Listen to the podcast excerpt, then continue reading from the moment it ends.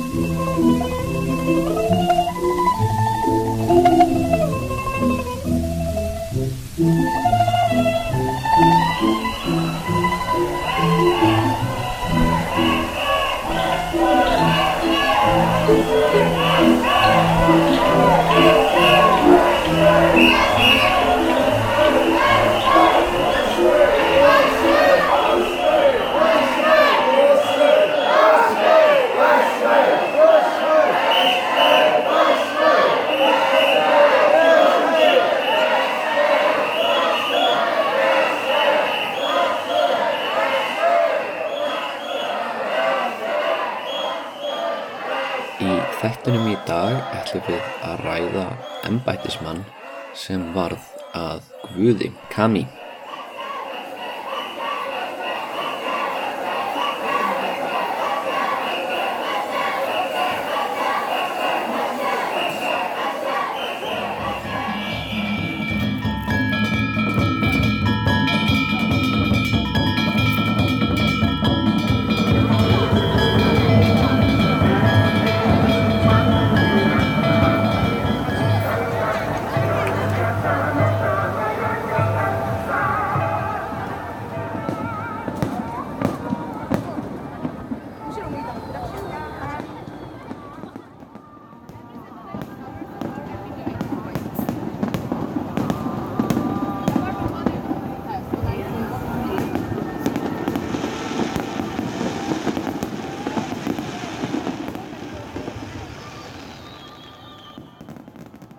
Sem þið heyrðuð rétt í þessu voru hátíðahöld í Osaka,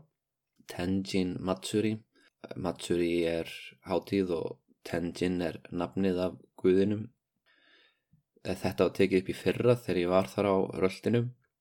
En Tenjin Matsuri er ein af þremur stærstu Shinto hátíðum Japans. Shinto eins og þið munið er svona hefðina, hefðin innan Japans, fjölgiðistrúin sem hefur náttúrulega í gegnum tíðina blandast búddismannum og var á tímabili algjörlega óaðskiljanlega eða reyna svolítið nútímalegt fyrirbriði að, að aðskilja þessar tvær hefðir en allavega þegar við tölum um Shinto þá erum við að tala um guðina í fjöllum og lækjum og fljótum og líka manneskur sem hafa verið teknar í guðatölum Þetta er eins og ég sagði Rísaksin hátíð, þáttakendur eru 20.000.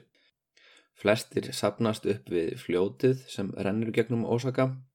og sjá báta og flugelda fylgjast með bátunum, koma niður fljótunum sem eru skemmteatriði, ungt fólk og eldra fólk að dansa, hefðbundna að dansa. Það er líka nóleikhús og, og búnraku, það er svona brúðuleikhús sem er upp á bátunum og allskins litriki í lampar og svo alveg,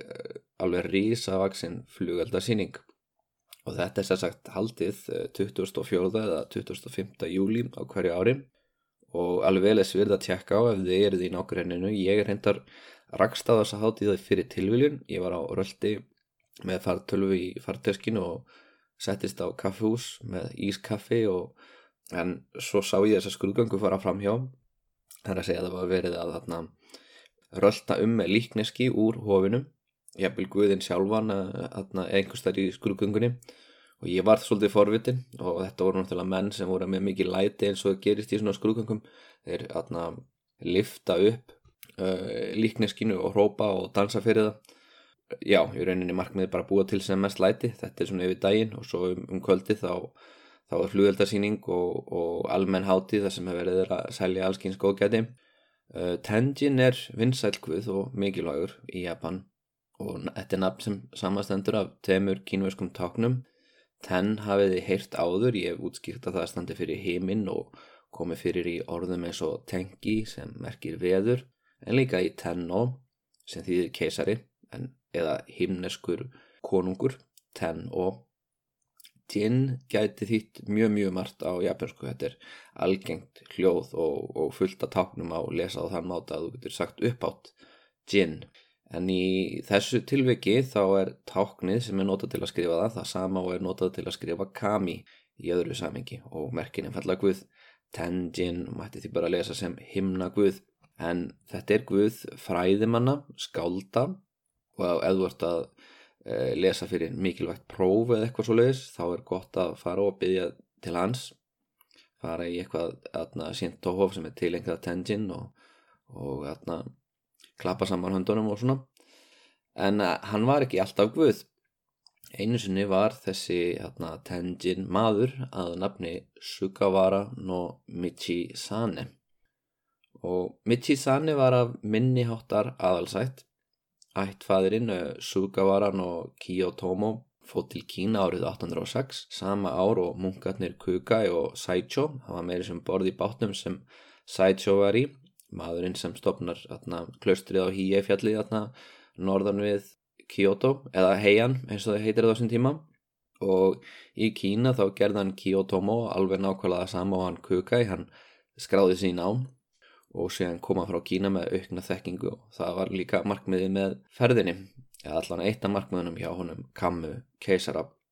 Fyrir vikið uh, þá fekk hann útlutað og var í héræði sem landstjóri og veriðist að beitt þann konfúsianisma sem hann lærði. Hann fór eftir tólkunum mennsjúsar á spekingnum og lagðist gegn döðrafsingum sem landstjóri og hafði líka lága skatta. Þetta var eitthvað sem að fólkið í Ovari var eflust þakklátt fyrir og hann nautgóðs að því að á þessum tíma var maður að nafni Saga komin til valda, eða Saga var keisar þess tíma, þetta var keisarlegt nafn og það er maður sem hlusta mikið á munkin Kukai sem einnig hafi farið í þessa ferð og er að reyna að síða þjóð sína meðal annars með því að banna kjötátt þetta virðist verið eitthvað sem að buddískir keisarar alltaf reyna en bannið hans saga náði að verða hefð því það var ekki einn stránt og fyrir tilunir uh, hans satt leifði fisk og fugglakjött og það var lang algengasta kjötið í, í Japan Japani voru ekkit mikið í því að borða hestakjöt eða nautakjöt eða, eða sínakjöt eins og síðar það er í rauninni atna, upp á 19. öll sem að kjöt átt byrjar aftur að týðkast verulega í Japan og það er þess að líki eftir versturlandabúum en sem sagt frá og með valdatíði saga eru Japanir aðal í fisk, prískrónum og, og kjúklingum og eitthvað svo leiðis en allan að saga var líka andjúgur döðarefsingum og leist ágætla á þennan Sugavaran og Kiyotomo því hann gerði hann að lókum að mentamála ráð þeirra sínum. Þannig að þetta var bara nokkuð fín fyrir allt í allt myndi ég segja. Sugavaran og Kiyotomo átti nokkra sinni og fjórðið þeirra Sugavaran og Korechika varð kennari. Og alveg svo fadur hans Kiyotomo hafði þjónað keisurum eh, keisurunum Kammu, Heisei, Saga og Junna bræðurunum þreymur og, og föður þeirra sem ég sagði frá í þar síðasta þætti Þá fekk Korechika þann heiður að kenna drengjónum eh, sem síðar urðu keisararnir Montoku og Seifa. Montoku er, er maður sem að þarna, Fujiwara ættin kemur til valda. Sónur hans er eh, Seifa, maður sem er þarna, sónur Fujiwara konu og að því að hann þarna, eh, Sugawara og Korechika er velmetinn fræðimöður innan hýrðarinnar þá treystir Fujiwara ættin honum til þess að ala upp þessa drengi og kenna þeim uh, klassísku reytin og allt um konfúsianisma og örflust eitthvað um hvernig maður getur orðið góður buddhisti líka. Nú árið 880 um það leiti sem Fujiwara no Mototsune varð Kampaku og aðalhráðgjafi og valdamesti maður Japans þá lést hann Korichika 69 ára að aldri og þá var keisarin sem hann hafði átt þátt í að alup nýbúin að segja af sér og sonur hans Jósei tekin við. Og áðurinn ég segi frá síni hans að söka var hann á Kóritíka almennilega þá mun ég að sjálfsögði segja eitthvað smá frá hann um Jósei, hann er mjög forvittnilur keisari. En mér dætt í huga en leið til þess að hugsa um þessi ártöl fyrir þau ykkar sem vilja svona sjá þetta eh, fyrir ykkur eh, við hlið við hlið við vestræna sögum Árið 793 þegar heian tímabilið byrjar að því að Kammu keisari flytur höfuborgina til Kyoto eða heian það er sama ár og vikingar ráðast á klaustrið Lindisfarnu í, á Breitlandsegum og það er upp af vikingatímans. Nú 870 það er árið sem að landnæma á Íslandi á að hefjast, svona hefðbundna talan þá á Ingólfur Arnarsson að koma til landsins. Og 930 árið sem við erum að fara að enda þennan hlaðvarpstátt á það er árið uh, sem að alþingi íslendinga er stopnað á þingvöllum. Þannig að þið getur svona aðeins máta þetta við uh, það sem er að gerast í þættinum en sem ég sagt það er einn fræðimaður og landstjóru og síðar mentamálar á þeirra sem uh, fór til Kína við upp af heiantíma bilsins átti són sem varð kennari og kendi verðandi keisurum og svo á þessi sonur uh, hann hann Sugavaran og Michisane sem verður ennbættismadur en hvernig fer Sugavaran og Michisane maður af svona minniháttar aðalsætt af því að verða guð. Nú Michisane lærði við engaskólan sem fadir hans rak og hann er dæmi mann sem rýst til metorða á kínverska mátan þar að segja að hann tekur ennbættismannapróf og þykir standa sér svo vel að hann fær fræðimanna stöðu við hyrdina og verður síðar landstjóri í Sanuki héræðin á eiginu Shikoku. Og uh, þetta er alveg merkilegt því að flestir er að fá atna, stöður sínar út frá ættartengslum og soliðis en Michizane þarf ekkert á því að halda því að fadir hans er atna, sennilega bara besti kennari í Japan hann, hann er að þjálfa svonsinn svo vel að það er ekki takt að neitunum um almenlega stöðum Á eiginu Shikoku þar eh, semur hann Michisane fjölmörg ljóð á árabilinu 880 til 89. Hann sinnir helgihaldi og fer með bænir í bútískum hofum og sintóískum helgivíum til að bæri að skegg þurkum. Þetta höfu allt heimildur um. En árið 888 þá tók frami hans aðra stefnum að því hann blandast inn í valdabaratuna við hyrðina. Og það vil svo til að á þessum tímabúndi er komin nýr keisari, maður að nafni Uta sem er ekki sáttur við nýja kerfið. Hann er ekki sáttur við það að hafa Mototsunni sem Sessho eða ríkistjóra og hann er ekki sáttur við það að einhver kampaku fari með völdin í stað keisarans þegar keisarinn er fullorðin. En setjum þetta nú í smá samingi. Eins og ég saði áður frá þá hefst heian tímanbilið 793 þegar, þegar atna, Kammu flytur uh, borgina, uh, höfuborgina og á þessum tíma þá reyna keisarar að halda í völd sín með því að gangi í klustur og stýra ríkinu þaðan. Það er að segja að einhver uh, bróðið þeirra eða svonur uh, serst á valdastóli. Hann er of upptekinn við að, að sinna svona, svona hátíðist tilefnum og, og helgisiðum til þess að stýra ríkinu sjálfu. Það er í rauninni á hverjum einasta degi er, er einhver dans, einhver ljóðakeppni, einhver fórnaratöfn sem er ætlast til þess að keisarin taki þátt í og það gerir það verkum að það uh, eru fyrirverandi keisarar sem sjá um þetta. En þetta, þessi kapallum að eitt fari í klaustur og annar stýri og svo skiptist þér á, hann hættir að ganga upp um leið og Ninmjó ákveður að gera són sinn Montoku að, að krónprins í staðis að láta bróðu sinn fara á næst. Og það þýðir að völdin enda í höndunum á, á drengjum sem eru of ungir til þess að, atna, já, til þess að atna, stýra ríkinu. Og þegar Montoku er ungu maður þá atna, e, kemst hann til valda móður hans e, er sýstir mann sem nefnist Fujiwara no Yoshifusa og eiginkon hans er dóttir þessa samamanns dóttir Fujiwara no Yoshifusa. Og Montoku skipar tengdaföður sinn og móðubróður hann Yoshifusa í það að vera Daijo Daijin fórsættistar á þeirra ígildi eins og ég er margóft búin að segja í fyrir laðörpum og, og ég er búin að fara yfir hvers vegna keisarar oft treysta móður fjölskyldu sinni frekar heldur en föður fjölskyldu því að móður fjölskyldan er minna ógnandi, hún getur ekki tekið uh, hásætið og sest í hana sjálf. Þau þurfa einhvern úr, úr Yamato-ættin í kallag til þess að stýra í gegn. En yngri bróðir er náttúrulega miklu meira ógn í svona kerfi. En hann, þess að Montoku er óvinni ungur, hann er bara 23 ára þegar hann, hann verður keisari. Og hann er 32 ára þegar hann skindilega lætu lífið. Og það er svolítið aðdeglisvert jú, hann ætti nú að tristunum Josifúsa og móðubróðu sinum, en höfum samt í huga Josifúsa, hann í rauninni kemur honum Montoku í hásættið með opbeldi hann atna, kalla til varðlið og hann hann samar þann mann sem átti að vera krónprins og þingar hann til þess að segja af sér og svona. Og, og atna, þetta er að mínu mati þá er alveg hægt að búa til einhverju kenningu um að eitthvað annað hafa átt sér stað en að hann Montoku sem er 32 ára og, og sæmila hraustur maður uh, fær heila blóðfall. Uh, hann fær sem sagt heila blóðfall en á þessum tímanpunkt er hann búin að vera að rýfast við móðubróðu sinn og tengdaföður um hver krónprinsinn eigi að vera. Málega það að Montoku vil gera svon sinn Koretaka að krónprinsi og Koretaka er sonur hans og eiginkonu úr Ki ættbálknum en vandin er sá að hann er nú þegar búin að lýsa því yfir að krónprinsinn eigi að vera mun yngri drengur sem er uh, sonur hans og, og atna, tóttur hans Yoshifusa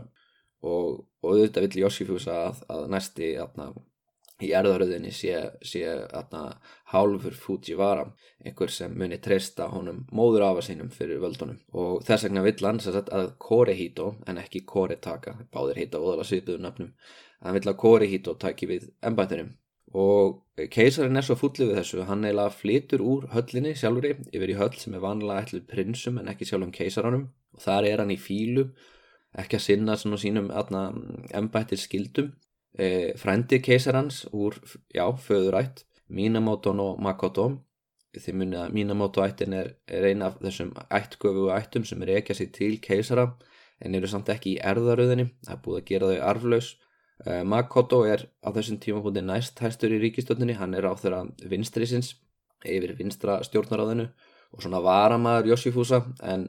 þetta er maður sem Fujiwara uh, ættin getur ekki alveg treysta því að þetta er uh, ættgúfu maður, sonur Saga keisara, fyrir um keisara þannig að hann er ekki bara föðubróður unga keisarans hann gæti allt eins, haldið því fram að hann ætti eitthvað tilkall þannig séð. En Minamoto Makoto kemur á fund til keisarnas og, og reynir að skýra fyrir hennum að, að það sé Josifus að þakka hans í keisarn í dag að þetta sé maður sem svífist einskis og hann mælir með því að hann geri Korihito að erfingja sínum bara til þess að tryggja öryggi Koritaka hann segir við keisaran það er ekki sonurðinn Koritaka verður í lífsættu eða þú gerir hann að krónprins að því fútsi vera ættin hún ætlar með góðu eða íllu að gera atna, hinn svonðinn að keisara. Nú eftir þetta samtal þá uh, virðist keisarin ákveða að, að leifa honum Korihito að erfa ríkið og stutt eftir þessa viðvörun þá lætur hann lífið úr heila blóðfalli. Og Korihito verður seifa keisari. Korihito var gerður á krónprins þegar hann var nýju mánuða og hann er nýju ára þegar hann kemst til valda eftir uh, atna, skindilegt andlát föður síns. Uh, þannig að mér finnst þetta pínutula fullt. Ég ætla bara að segja það að mér finnst þarna Yoshifusa hefur ýmsar ástæður til þess að losa sig við annan sitjandi keisara og koma dóttur síni, sínum á valdastól. Dóttur síni sem munur að haga sér mjög mun betur. Og það er á valdatíð þess að seifa keisara sem uh, verður það sem ég myndi kalla svona rækstak bruni heian tímabilsins. Uh, það kviknar í einu af stærstu hlýðum keisarahallarinnar og Otenmon hliðinu. Og stöttu síðar er Minamoto no Makoto föðubróður keisaran sem er nýláttinn eða léstur nokkrum árum hann Minamoto no Makoto er ásakaður um að hafa kveikt í. Og þetta er þetta stór mál því afabróður keisarans og á eftir Yoshifusa næst valdamesti maður Japans er ásakaður um að hafa reynda kveikja í höllinni. Og Makoto hann verðist fá taug áfall og dregur sér hlið eftir ásakanirnar og þá stýgur Yoshifusa inn og lýsir yfir sagleysi hans og ásakar annan mann, uh, Tomo no Yoshio eða Otomo no Yoshio um að hafa kveikt í hliðinu. Staðrindin eru þetta svo að það er ekkert einu svona vist að neitt hafi kveikt í því. Það kviknar í viðabyggingum og er alltaf að kvikna í viðabyggingum á þessum tíma sérstaklega. Það er rosa mikið af brunum í heian og fornum borgum í Japan. Það er ekki fyrir ná 20 stöld sem að borgir hætt að brenna reglulega niður en allavega uh, Makoto er komin úr sögunni og hann var leiðtói öflúra klíku sem samastóð af afkomendum Saga keisara, Saga Minamoto ættinni og var það eina sem virkilega ógnaði Fujiwara ættinni. Uh, Otomo no Yoshio er hins vegar úr þessari Otomo ætt sem þið munið eftir uh, úr þættinum um Kukai ætt sem var eins og mjög valdamikil Uh, hann Yoshio er orðin ráþar og er fyrsti maðurinn í, sem nær svona langt úr Otomo-ættinni í, í langan tíma því þeir lendur svolítið úr kuldanum þegar höfuborgin var færið til heian af ymsum ástæðum. En þessi Yoshio var farin að krefjast þess að eh, landaregnir sem keisarinn hafi tekið aftur frá þeim og útlutað til Fujiwara manna, hann var að krefjast þess að fá þær aftur. Þannig að Fujiwara ættin og, og Otomo ættin voru í deilum um land og það hendaði bara líka ágætlega að dæma hann Yoshio fyrir íkveikjuna. Hann átti að vera dæmtið til döða en keisarinn ungi hann, honum þótti ráð þegar hann vera svo næs gæi að hann mildaði dómin og, og gerði það útlegð. En niðurstaðan er samt svo saman móður af í keisarans er núna laus við alla þá menn sem geta ógnáðanum og, og líka mennina sem vildu að hýrða honum eitthvað land. Svo það er nokkið nema að vona að við förum að velta fyrir okkur að hvernig í óskupunum kemst til valda keisari sem reynir að taka aftur völdin frá Fujiwara-ættinni og hvernig þetta Michi-sani í huga að standa með þeim manni. Um, hann Seifa stýrir ríkinu frá því hann er 9 ára til 27 ára aldus og síðan gerist hann munkur fyrir klöstur og deyr bara nokkrum mánuðum síðar. Það verðist hafa verið þarna ekki sérstaklega helsu höstur og og sagt af sér meðal annars út af einhverjum helsubresti og farið í klöstur til að búa sig undir, já, döðan bara. En sonur hans, Jósei, tekur við og Jósei slæri öll met, uh, met sem fadur hans hafði haft hingað til. Seifa varð krónprins nýju mánuða, keisari nýju ára og var yngsti keisari í sögu Japans þangað til sonur hans, Jósei, varð krónprins, tveggja mánuða gammal og síðan keisari átt ára. Og það verist margt ama að honum ekki svo mikið að þarna heilsu hans eh, líkamlega séð en ímislegt að maðurni að maður heilsu hans andlega. Að mist kosti er því haldið fram í sögubókum heiantíma bilsins að þegar hann var bara úlingur þá uh, barði hann þjón til bana drenga nafni Minamoto no Susumu og eins og því munið þá er þetta ættana Minamoto það merkir að hann er frendi keisarans fjarskildur frendi kannski en einhvað síður maður sem er með keisaralegt blóð í æðum. Og til að bæta gráuna svart þá er þetta svonur brjóstmóður keisarans greiði konan er aðalskona sem nefndist Kín og Matako og þess að af Kí ætt gift einhverju Minamoto. Og kemur ekkert frekar fyrir í þessari sögu en það getur samt ímyndað hversu hríkilegt að það er fyrir hann að frétta það að, að keisarin sem að hún hún fekk þann heiður að, að vera að gefa honum mjölk, vera brjóstmóður hans. Drengur sem hún hefur oft verið með í fanginu og, og séðum eins og hún væri hennar eigin drengur hún eh, kemst að því að, að, að þessi drengur er búin að myrða svonennar kannski eh, drengur sem að, þú veist, var á brjósti og söpuðum tíma Uh, Jósei kemst náttúrulega upp með þetta því hann er keisarinn og, og hann mínumótun og Susumu veit að ef hann slær tilbaka þá er það neflust líka tekin að lífi, það er náttúrulega engin verri alvarleiri glæpur heldur en að slá uh, keisaran en atna,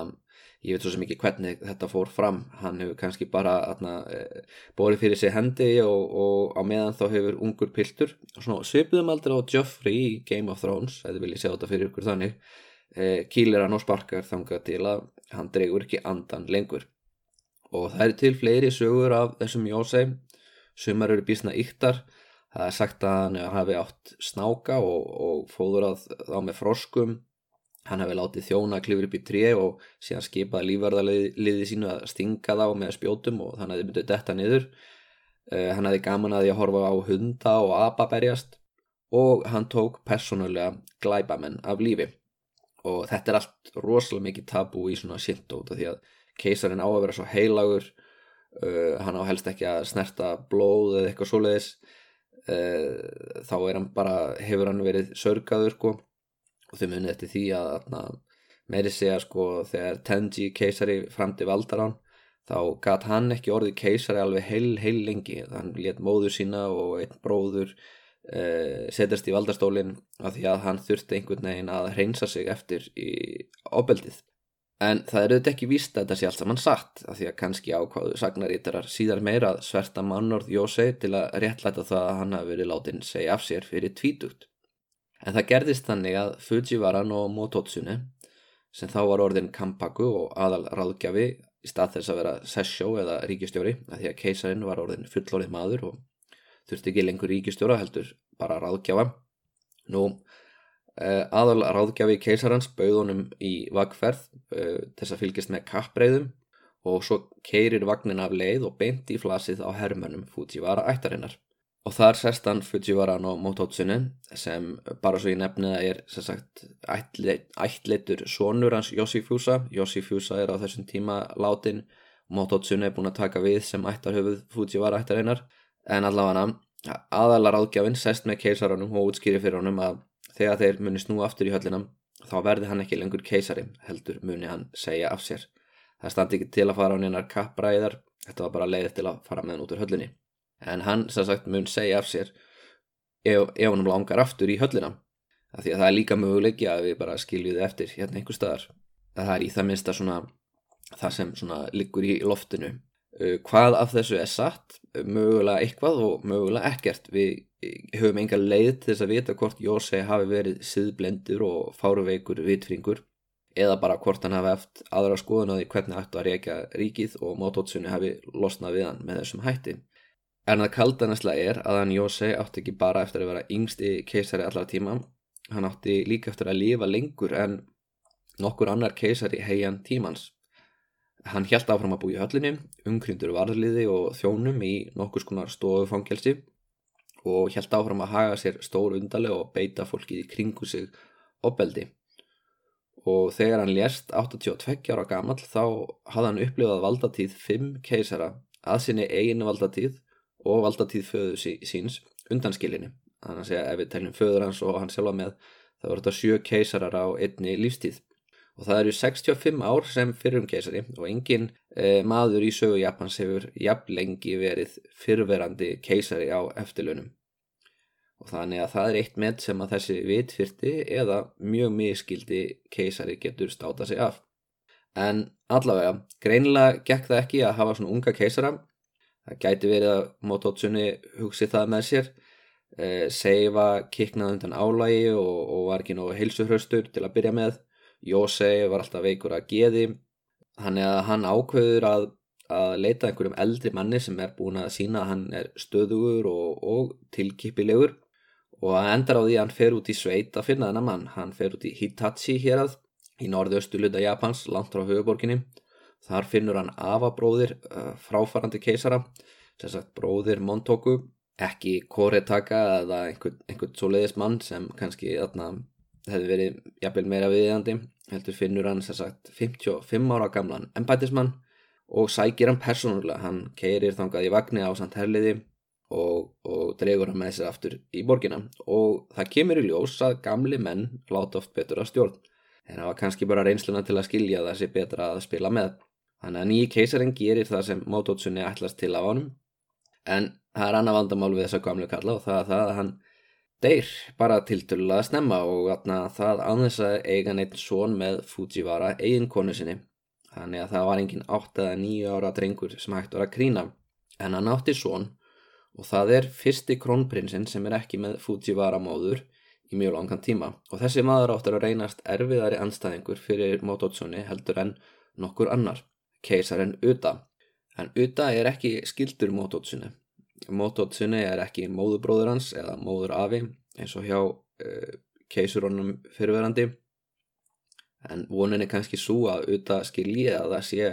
Fujiwara ættin sem hafi komað náttúrulega valda með því að velja föður hans í ennbættið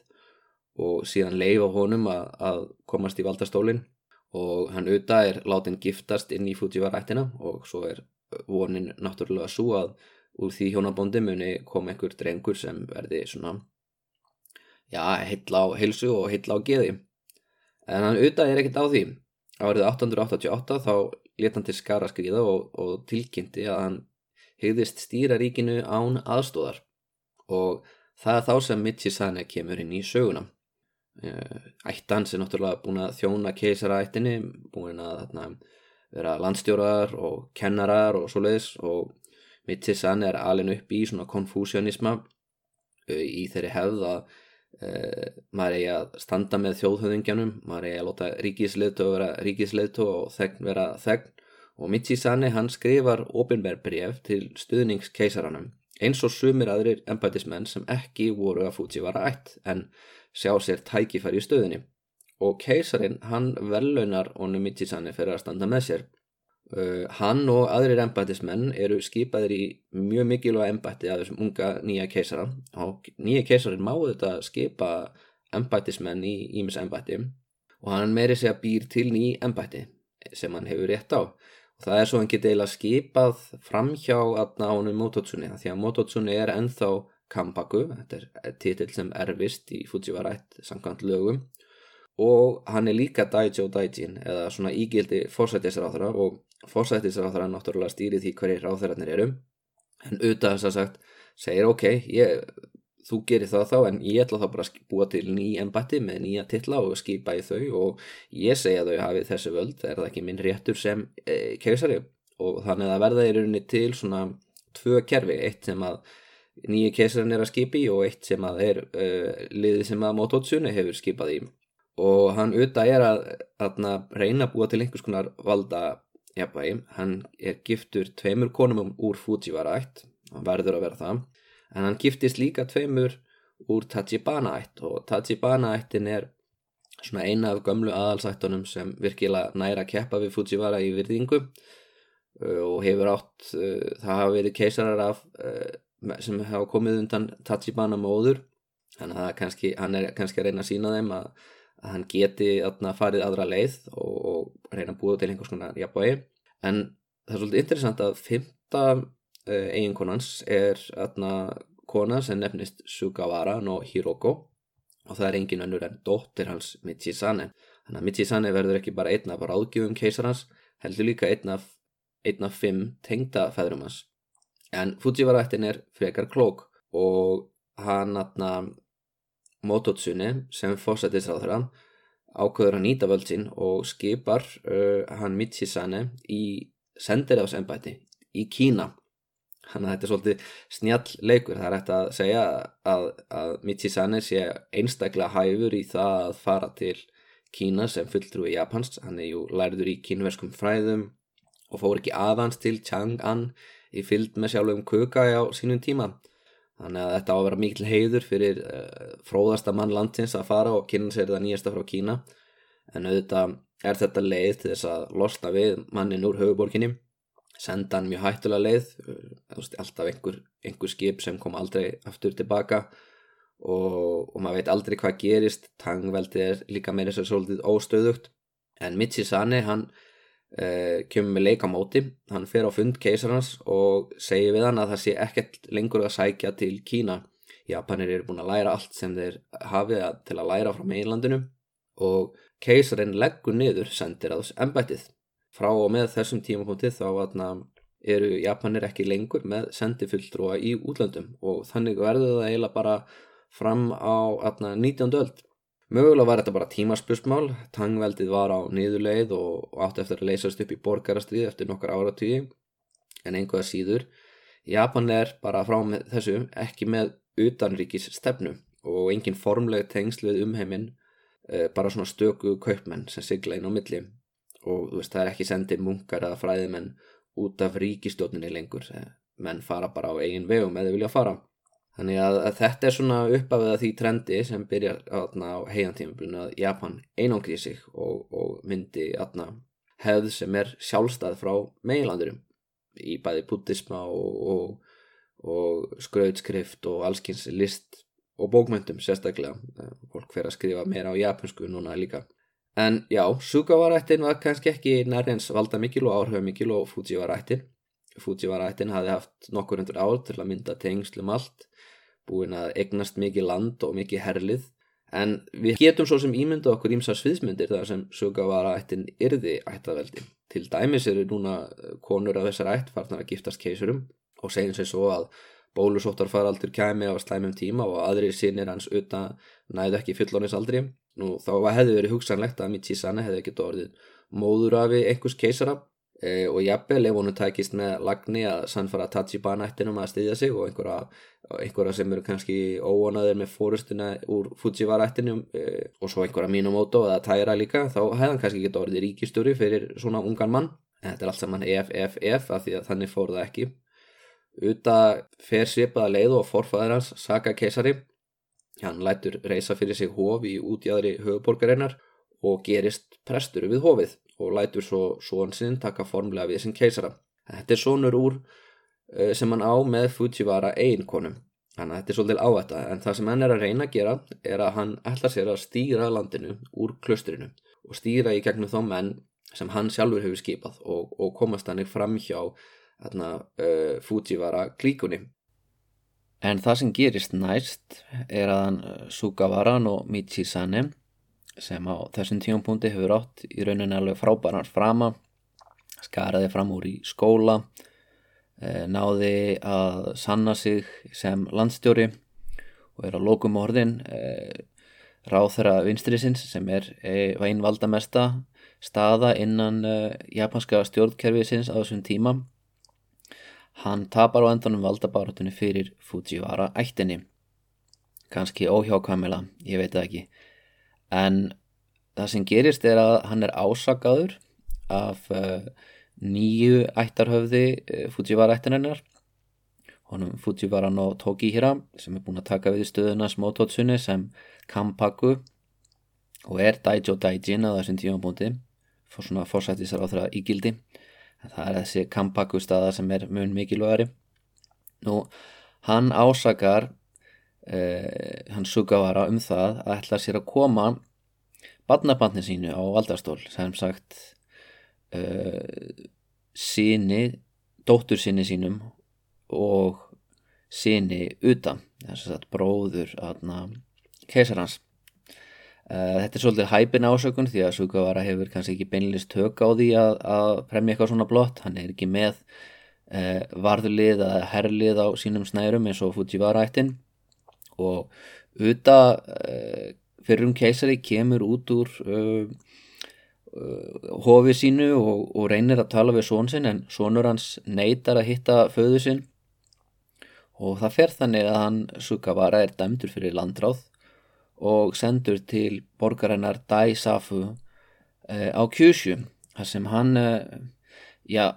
hann dvelur þar sem minniháttar embætismadur, hann er ekki í fangils, hann er ekki tekin að lífi en hann er út í kuldanum uh, restinni af æfisinni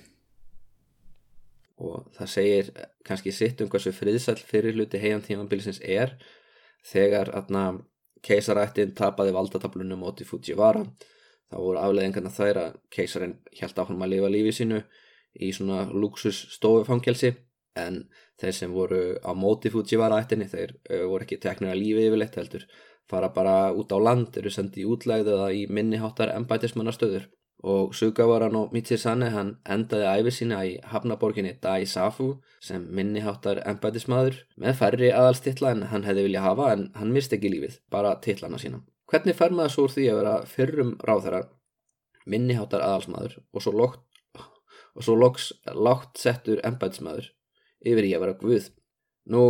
stuttu eftir andlát Mitsisane uh, braust út pláa og miklir þurkar.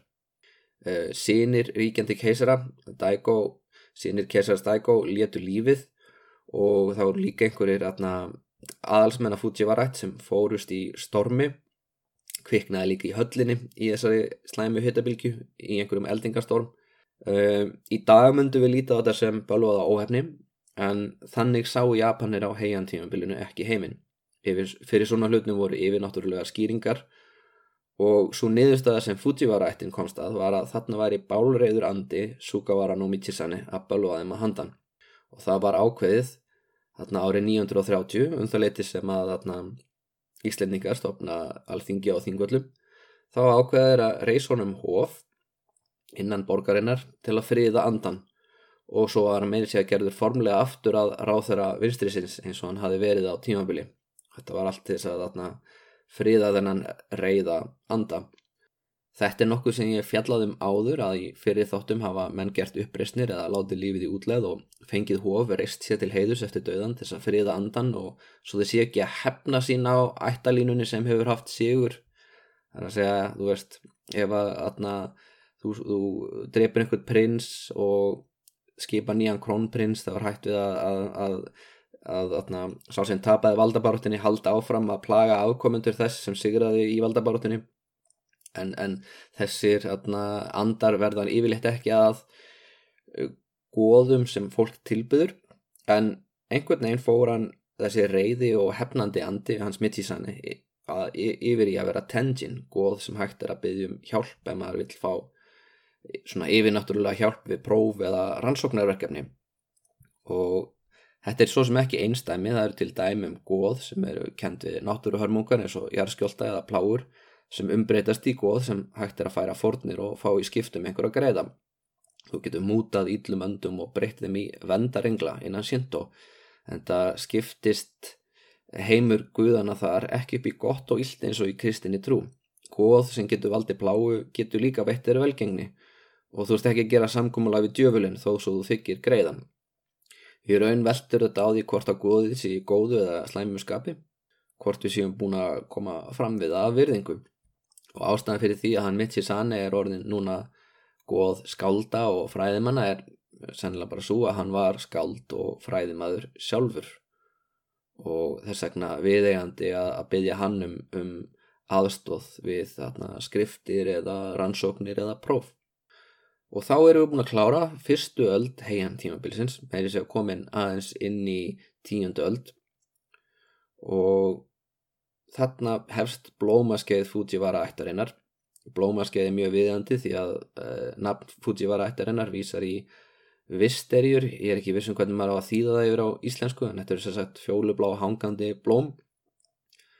Uh, og næstu hundra árin þá komast engar aðalsættir þar sem Fujiwara ættin hefur hælana. En einhvað síður þá er fólkið við hyrðin að semja ljóð í róliheitum, búa til ný tískufyrirbriði eldast við haust, uh, vor og vetrar tískuna og sumir sem skrifa ljóðin eru af Sugawara ættarinni meðal annars kona sem skrifar uh, dagbókina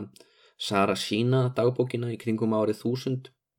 Uh, þetta er kona sem við vitum ekki nafnið á en við vitum að hún er dóttir mannsanarni Takasugi sem er líklega ákomandi Michisane en um þetta leiti þá er meiri sig að byrja að, að tilbyða aðna forföður aðna þessara konu sem Tenzin og þessi dagbók, Sara sína dagbókin er enþá kend á mentaskólasti í Japan, skilst mér. Svona svipað og við erum látin að lesa íslendingasögur. En það stendur þó ekki til að fjallum hana í þessu hlaðvarpi í næsta þætti þá ætlum ég að tala um önnur skáld. Ég mun tala um Kino Tsurayuki en fyrst og fremst um Arivaran og Narihira og Onon og Komachi sem eru með starri skáldum í sögu Japans. Og að lókum þá ég eftir að fjallum skáldkonurnar segi Shonogon og Murasaki Shikibu sem eru svona já, það eru risar í japanskum bókmentum eins og maður segja. En við skulum enda þetta á ljóði eftir hann Sugawara no Michisane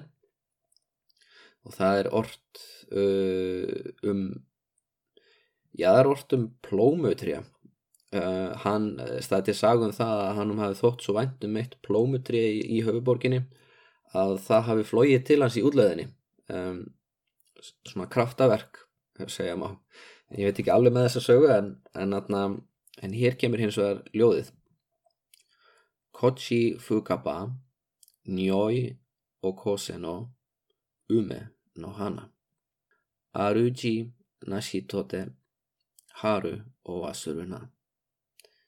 Þegar vindur blæs úr austur átt, blómstra, plómutrén. Þó þú missir herra þinn, ekki gleima að vorið komi. Já, kannski hefur hann hugsað það að hann var búin að missa sinn velgjörða mann.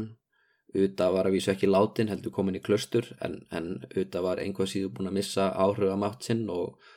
og völdin voru aftur komin frá eh, réttmætu ættalínunni yfir til Fujiwara ættarinnar. En einhvað síður þá hefur hann Sugawara no Michisane geta sittið þarna í borginni Daisafu þarna í Kyushu. Hún hefur kannski fundist þetta hálgjört þarna uh, krummaskuð í samanbyrði við heian. En einhvað síður þá hefur hann tekið eftir vindunum blás og raustur átt síð plómiturinn blómstra og hugsa með sér já, þó maður tapi valdabáratunni þá kemur vorið samt. こち